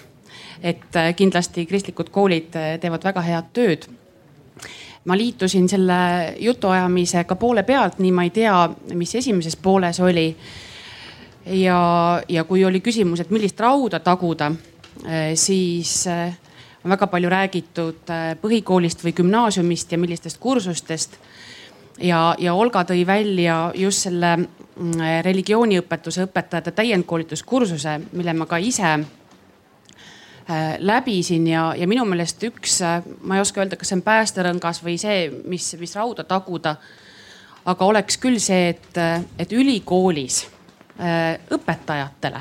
Õpetatakse juba seda äh, religioonialast kirjaoskust, et, et olgu peale, kui, kui siis tõepoolest kõikidesse koolidesse ei saa religiooniõpetuse äh, ainet sisse viidud siis tõepoolest ülikoolist juba, kas ta on klassiõpetaja, on ta ajalooõpetaja, on ta muusika või kunstiõpetuse õpetaja, et ta saab need teadmised ja, ja kui ta läheb siis kooli Äh, siis, siis ta oskab ja mitte ainult ajaloos, et ma ei taha siin eelkõnelejaga vastu vaielda, aga, aga ma olen meie peapiiskop, äh, piiskopiga nõus, kes on öelnud, et, et tihti võib juhtuda, et räägitakse religioonist kui kui möödanikust või ajaloost, aga tegelikult religioosne elu puudutab meid kõiki tänapäeval ja, ja tulevikus ka, et, et, et osata Pärti mõista, et osata äh, Äh, mõnda kunstiteost seina peal, siis, siis see religioosne kirjaoskus peaks olema jätkuvalt ja kõigil, et, et võib-olla just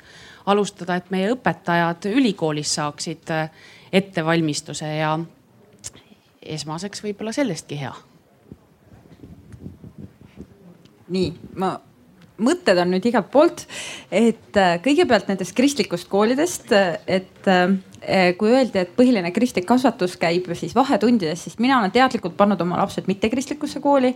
ja ma võin öelda, et äh, vahetundides toimuv kasvatus võib lõppeda seal direktsiooni juures. kui sa üritad teistele kuulutada siis omal viisil. aga mis ma veel tahtsin öelda sellest, et kui Helenele, et kuidas seda taguda, siis ma arvan, et see asi hakkab ka sellest ühiskonnale teadvustamisest, et me vajame neid väärtusi, mida kristlus kannab ja erinevad religioonid samamoodi, kui me võtame, need on kõik head väärtused. ja kui me vaatame tänast põlvkonda, kes on tegelikult kaotanud oma sideme põhimõtteliselt vanavanematega, sest neil on liiga kiire või neil on oma elu ja vanematega, kes on ka tööga haaratud ja siis nad on endale need nutiseadmed ette pannud, siis tegelikult on see väärtuste edastamine põlvkondade vahel suhteliselt katkenud. et kui kasvõi kasvõi läbi mingite reklaamikampaaniate või millega nagu vanemaid panna mõistma seda, et see on üks võimalus, kuidas nende lapsed saavad tegelikult parema tuleviku. Ma ütleks ise ka paar mõtet vahele. Et just korra see getostumise mõte käis läbi, et eh, olles ise ka kristlike koolidega aktiivselt seotud, siis eh, olen pidanud väga palju sel teemal inimestega vestlema. Ja üldjuhul ikkagi on see küsimus sellest, et eh, just põhikooli eas, et laps saaks selles, selles keskkonnas kasvada, milles ta tunneb ennast turvaliselt, et ta ei peaks hakkama kohe esimesest klassist võitlema sellega, et mina olen usklik, sina ei ole, nii. vastasseis, on ju. et just, et kristlikes koolides tegelikult tuleb ka vahetundides missioonitööd teha, täpselt samamoodi. ja teine mõte selle ajalooõpetajatega, ma ikka jätkuvalt toon selle füüsika siia lauda, sellepärast et minu meelest ma olen ikka jõudnud järeldusele, et füüsikatund on väga maailmavaateline tund. et see, et meile õpetatakse sellist maailmapilti nagu füüsikatunnis õpetatakse, see on ikkagi väga üks versioon füüsikast meil on noh, lapikud maad ei õpetata ju. Või noh, aga see on muidugi sihuke nalja, aga muidu ka füüsikal on väga palju erinevaid viise õpetamiseks ja see on väga maailmavaateline, aga küsimused voor siia. aitäh, mul hakkas vahepeal jääma mulje, et teist keegi pole koolis käinud. Ja seoses ajaloo ja ajaloo õpetamisega tuletage meelde, kui te just ajalootundides poppi ei teinud, et ajalooprogrammides on kõik usundite õpetamised sees. ajalooõpetajatel ülikoolis õpetatakse seda väga põhjalikult, nii et ma ei tea, palju te siis koolis ajalootundides käisite? kuidas lood on, palju käisite?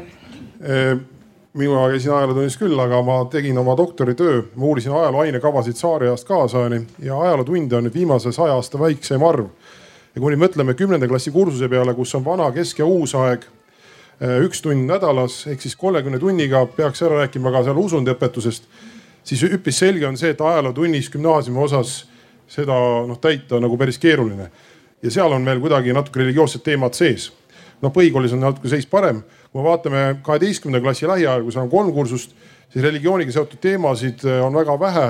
Äh, on küll mõned nimed, aga, aga suhteliselt vähe, nii et et ütleme kiriku ajalugu kahekümnenda sajandil, ma olen selles mõttes nii Egle Viilma kui peapiiskop Urmas Viilmaga nõus, et kirik ei ole ainult äh, nii-öelda mineviku nähtus, et see on nii-öelda vana ja keskaeg, vaid tegelikult kirik on ka tänapäeval äh, päris olulist rolli mängib ja, ja ütleme, ajalooõpikud nagu seda ei kajasta praktiliselt üldse, et, äh, et mõnes õpikus näiteks on Johannes Paulus teise pilt, aga mõnes näiteks ei ole aga samas näiteks kui me vaatame ikkagi näiteks kommunismi kokkulangemist, siis noh, paavst Johannes Paulus teise roll oli kindlasti täiesti arvestatav.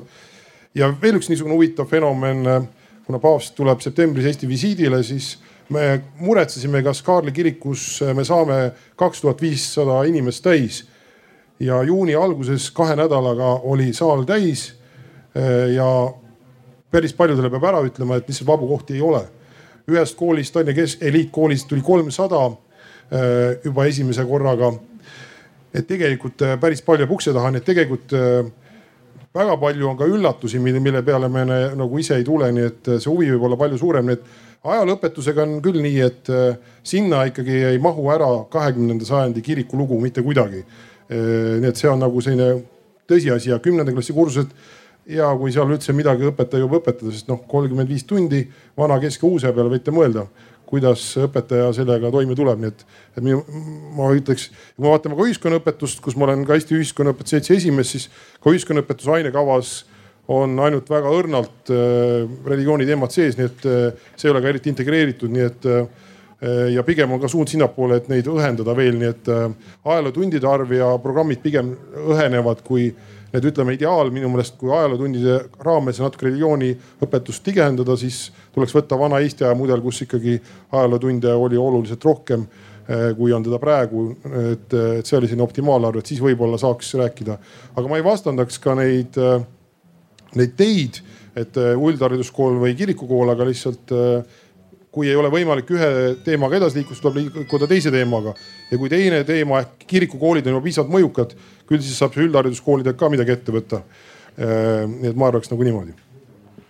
täienduseks siin siis saakski lahenduse välja pakkuda, et äh, võib-olla lihtsam oleks ajalootunde suurendada ja eesti keele tunde ja mis tunde veel järsku mahub tundidesse ära Kristi. ma tahtsin seda öelda, noh, ma tulen tagasi oma selle põhipunkti peale, et ähm, ma arvan, et üleüldiselt haridus tänapäeval on muutunud selles suhtes, et me väga raske või ja väga vale oleks õpetada iga ainet nagu ta ja käsitleda neid aineid nagu nad oleks täiesti eraldi asjad mille noh, selles suhtes, et, et ilmselgelt, kui me õpetame matemaatikat, siis me kindlasti noh, me, lapsed tahavad teada, et aga kuidas see nüüd noh, mis on selle seos minu eluga, et miks see mulle oluline on või füüsikat või, või, või kirjandust või mis iganes.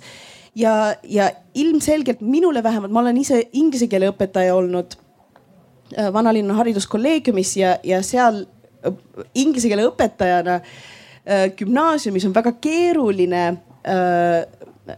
lihtsalt grammatikat õpetada selles suhtes, et kui ma hakkan nüüd inglise keelt õpetama või mingit keelt õpetama, siis on mul vaja, ma toon teemasid ja need teemad käsitlevad võib-olla ka teisi nagu aineid, võib-olla ajaloolisi äh, äh, teemasid, võib-olla sotsiaalseid teemasid, võib-olla religioosseid teemasid.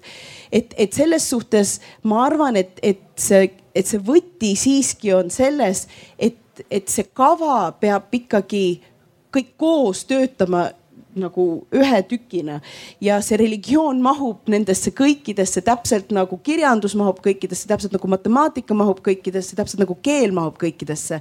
et kui teda võtta kui asi, mis ei ole lihtsalt seda, et me ainult räägime religioonist, siis on mingi religiooniõpetus või kui me saame kasutada neid sõnu nagu kristlane, moslem, budist, juut, mis iganes ka teistes ainetes ja siis tekib see huvi sellel e, õpilasel endal, et aa okei okay,, et, et aga mis selle seos siis on, sest et ilmselgelt õpilased tänapäeval ei ela sellest informatsioonist, mis nad koolis saavad.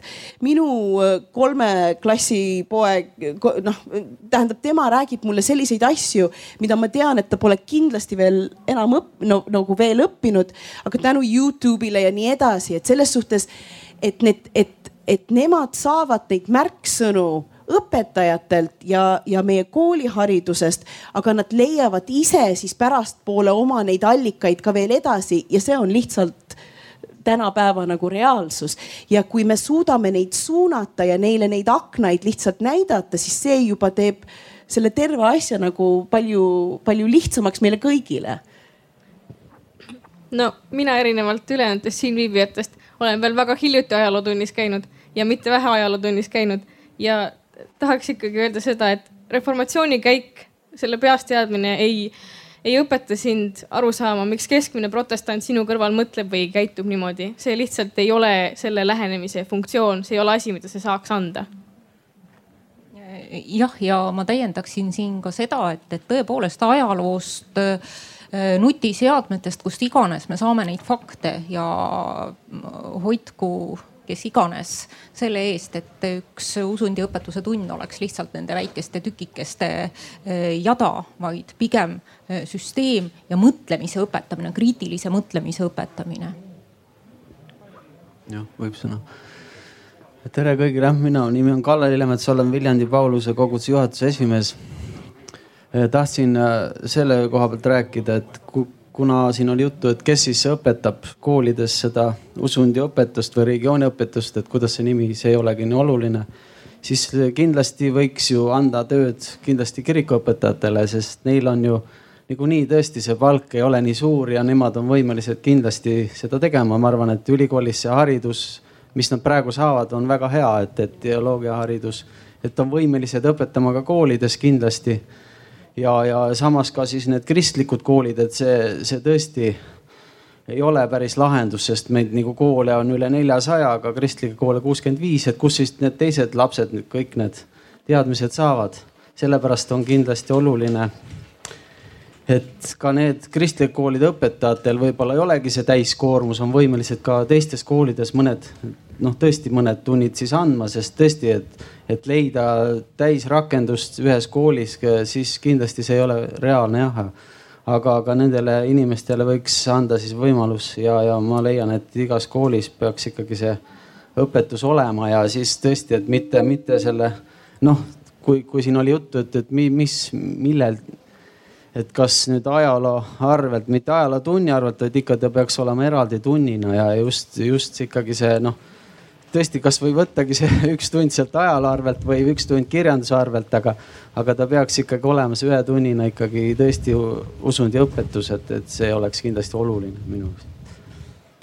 aitäh no minu arust küsimus on ikkagi see, et üldise teadlikkuse küsimus ühiskonnas, et, et kas me mõistame, kui oluline see teema on ja ma ei ole selles endiselt kindel, ma ei tea, kas see tuleneb Nõukogudest või kusagilt mujalt, eks, ega me kahe tuhande kolmeteistkümnendast aastast seal eh, kodus, meil on Ilmjärve kirik, kus meil nüüd kahe tuhande kolmeteistkümnendast aastast uuesti toimuvad teenistused. ja viimane näiteks oli siin jaanilaupäeval. ja noh, seal käib lisaks minu perele veel mõned inimesed ja, ja siis tuleb sisse, kui meil on nii-öelda kirik uksi kinni panna, mõned inimesed seal käivad, teevad surnuaias korda enne, et kõik peab korras olema, kirikusse väga paljud ei julge tulla ja siis keegi, kes ütleb, et ta seal käis viimati, ma ei tea, mis iganes, mitukümmend aastat tagasi. ja siis tuleb, vaatab, ütleb, noh, siin oleks ju vaja remonti teha. Et no ma mõtlen seesama, et, et kas seda kirikute religiooni oleks vaja selleks, et see Ilmjärve kirik oleks nagu korras, et ma ütlesin, ma ei tea, me oleme saanud nüüd kolm-neli aastat, et esiteks on minu arust siin väga palju tehtud, ma olen pingutanud kolm-neli aastat, et see olukord oleks selline ja, ja me saame siin teenistusi rahulikult pidada, et, et minu arust, kui, kui pole inimesi, et kellele seda kirikut nagu vaja on. et minu arust küsimus on seesama, et, et kui meil ei ole seda, seda teadlikkust, sest ma olen veendunud, et kui on inimesed, küll me selle kiriku korda saame. et, et, et küsimus on, kuidas seda teadlikkust kasvatada.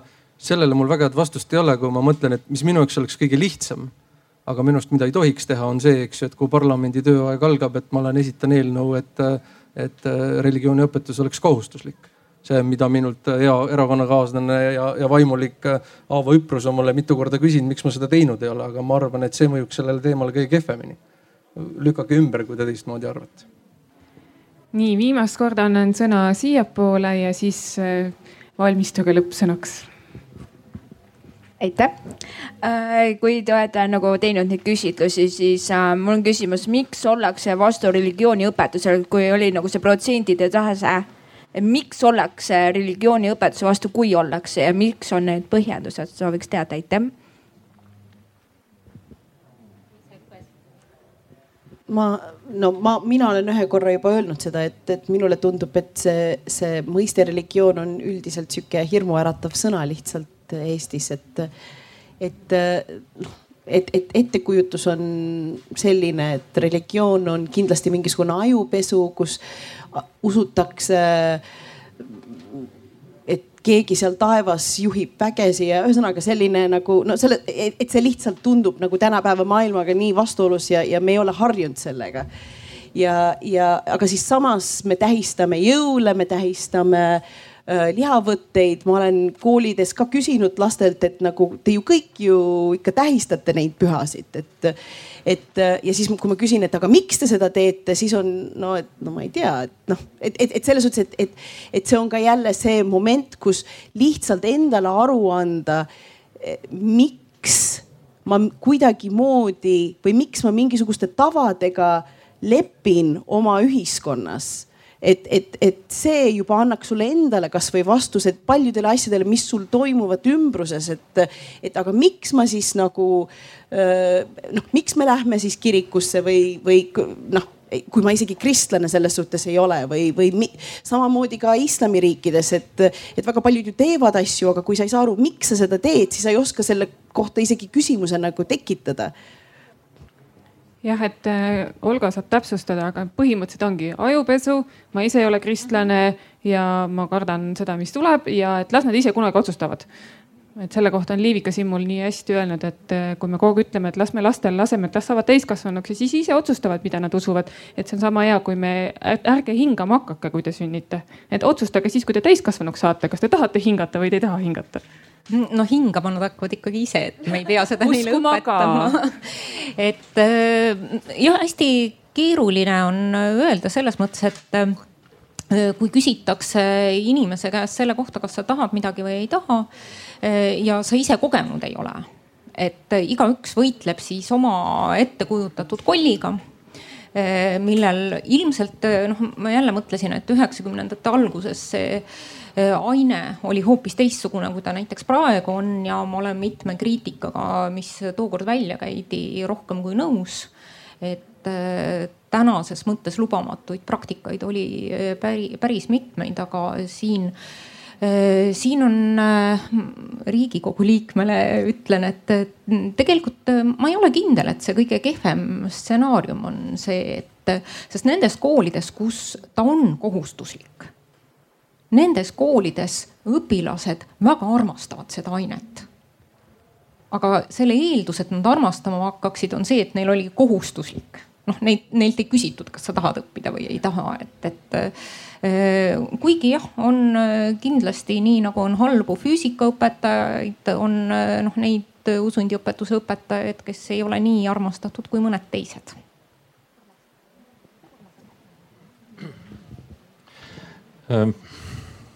Selle kohustuslikkuse üle ka mina, ma, ma lihtsalt jagan nüüd ühte, ühte oma kogemust, ma olen õpetanud kahes koolis äh, erinevat nime kandvat ainet. Äh, täna on ta siis usundiõpetuse nime all äh, kokku kakskümmend aastat. ja kõik, mõlemas nendes koolis oli tegemist kohustusliku ainega kõigile selle konkreetse klassi õpilastele. ja, ja selles olukorras ma teadsin, et et koolijuht andis mulle usalduskrediidi, ta ütles, et, et see, kas see aine püsib siin või ei püsi, hakkab sõltuma ainult sinust. sest õpilased on esimene äh, tagasiside allikas. Äh, ta ütles, et kui õpilastele see meeldib, äh, siis mina tagan selle, et, et see on, aine on jätkuvalt siin tunniplaanis aga tõsi, esimeses koolis ma alustasin selle aine andmist siis kümnendas klassis. Eh, eelnevalt anti mulle paar proovitundi ehk siis need kaks reklaamtundi olid teatud mõttes see, mille alusel need õpilased hakkasid siis otsustama, kas nad tahavad või nad ei taha. ehk siis, kui siin oligi küsimus või mida Olga ka ütles, et kuidas nad, kuidas ta, üldse saadakse teada, et nad tahavad või kuidas seda valikut teha, kui nad ei tea, mille vahel nad peavad valima. siis, siis võib-olla on see üks võimalus, et anda kasvõi siis üks kursus noh, ma olen siin öelnud ennegi juba välja, üks kursus astme kohta kohta või, või, või äh, põhikoolis ja gümnaasiumis äh, kohustuslikuna ja siis edasi valikuna. Äh, see, et nad saavad selle maitse suhu, nad saavad oma hirmud maha võetud ja, ja, ja siis sõltub see tõesti palju õpetajast, kas ta suudab seda ainet anda nii, et õpilased muutuvad ise tema toetajateks, selle aine või selle aine toetajateks või on alternatiiv, et nad on selle vastased sest äh, mina sain väga hästi aru, minu püsimine koolis õpetajana, ma olin kirikuõpetaja, ma käisin kirikuõpetaja riietes seal.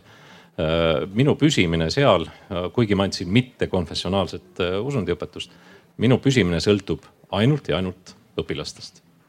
ja, ja, ja siit siis minu enda võimalus nendega suhelda. ma räägiks veel sellest kohustuslikkusest, et kunagi oli mul võimalus küsida Eesti anarhismi isalt Tõnu Trubetskilt, et, äh, et kui tema käis seitsmendas klassis, mitmes tunnis ta oleks tahtnud käia. ta ütles mitte üheski. et äh, kui me nüüd küsime ka, et, äh, et kas on kohustuslik või mittekohustuslik, noh siis tuleb umbes nii välja. mis Eesti haridusega juhtuks, kui oleks koolis käimine vabatahtlik, noh seda võime ainult ette kujutada. aga laias laastus küsimus on usalduses. ja ja see on naljakas, et mõnikord ei sõltu need nagu objektist, see on ka natuke subjektiivne. kirikukoolide vastu on usaldus, sest nemad äh, kasvavad äh, ja munitsipaalkoolide vastu usaldus on pigem nagu jäänud staatiliseks või isegi siis e, kirikukoolidega võrreldes nagu see, äh, nemad ju nii, nii palju ei kasva, kui kasvavad kirikukoolid ja usundiõpetuse ja usuõpetuse õpetajatega samamoodi, et kui neid usaldatakse, noh siis või seda usuõpetust või usundiõpetust usaldatakse, et siis seda ka rakendatakse. ehk siis äh, kui midagi usaldatakse, siis sellega saab edasi minna, aga kui usaldust on vähe, ega midagi ei ole nagu parata. mina näiteks olen kindel, et minu laps saab hea usuõpetuse, sest äh, ta lõpetas esimeses klassis ja direktor Egle Viilma andis talle usuõpetust. ma tean, kes on Egle Viilma, ta on hea õpetaja, tore õpetaja, tunneb oma ainet väga hästi aga kui oleks mingi võõras inimene, ehk siis Olga Šilejev tõi ükskord ühe näite öö, oma kiriku ideoloogia. oleks see Olga? Ei, tema tõi selle näite, et, et ühes koolis äh, oli selline asi, öeldi, et me oleme nõus küll, kui usundusõpetuse õpetaja on, aga ta ei peaks olema ühte, ühegi religiooniga seotud. et vot siis, kui selline inimene sinna tuleb, siis ega ma ei tea ka, kes ta on, järsku ta mõne erakonna liige. et seda me ei muretse kunagi, et et, et või on näiteks äh, mõne pangaliige ja võib-olla müüb minu lapsele mingi pensionisamba maha gümnaasiumis. nii et äh, need mured on, et laias laastus kõik ikka taandub usaldusele, nii et, äh, et kui midagi usaldatakse, noh siis sellega on alati lihtsam edasi minna. et aga mida vähem usaldatakse, noh siis tuleb oodata paremaid aegu või siis teha poliitikutega lobitööd, et nad teeksid mõne otsuse võib-olla julgemalt, aga ega poliitikud ka ei tee selliseid otsuseid, mida rahvas selgelt ei toeta, nii et aga kirikukoolide osas see toetus on rahva hulgas nagu selgem, nii et, et kui kirikukoolide rahastamise sel kord saaks selgemalt paika, siis ka selle üldhariduskooliga meil tulevikus on nagu lootus kergemalt edasi minna. Nii, aga kuna nüüd hakkab äh, vihm ja aeg meid äh, kokku tõmbama, siis äh, teeme nii, et igal panelistil on võimalus öelda selline ühelauseline lõppsõna ja lepime kokku, et see, kuigi me tuleme kõik, eks ole, saksa luterlikust pärandist, et see lause ei ole kolme lehekülje pikkuline saksa, saksakeelne lause, et katsume jääda sellise lühikese põimlause juurde no kuna minu käes on mikker, siis ma alustan, nüüd ma kasutasin oma esimese lause ära kohe.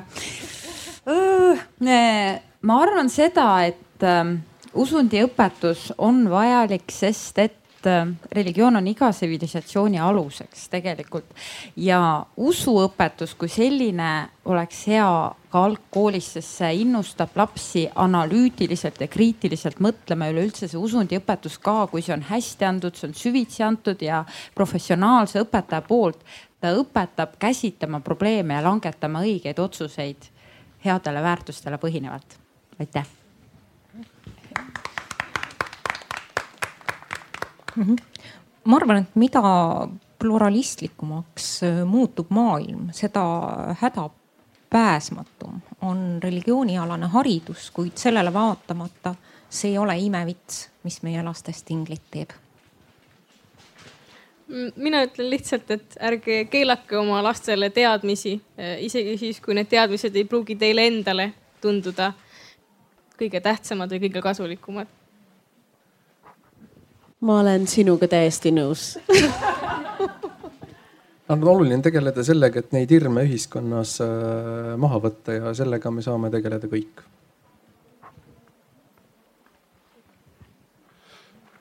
ma mäletan umbes kümme aastat tagasi ma küsisin katoliku kiriku piiskopi Monsignor Philippe Jourdani käest, et äh, mis ta arvab äh, usuõpetusest või usundiõpetusest. ja tema lause oli, et sõltub, mida usundiõpetus või usuõpetustunnis tehakse mina tahan öelda, et tegelikult ei ole asi üldse nii hull. tegelikult on äh, Eestis praegu kõik võimalused olemas ja, ja kui siin öeldi, et usaldage oma, oma äh, lastele teadmiste andmist, siis äh, tegelikult on võti paljuski lapsevanemate ja keskgümnaasiumiastmes noorte endi käes, sest riigi poolt on tõepoolest teatud mõttes kõik ettevalmistus tehtud. kui on huvilised ja soovijad, siis on usundiõpetus igas koolis tunniplaani peab tulema, on see nii? on see nii jah, Olga, kui on soovijad, siis peab kool, ei ole nii jah? ainult gümnaasiumis, no kuidas see mujale saab siis? ikka peab tänavatele tulema rahvas ja lapsevanemad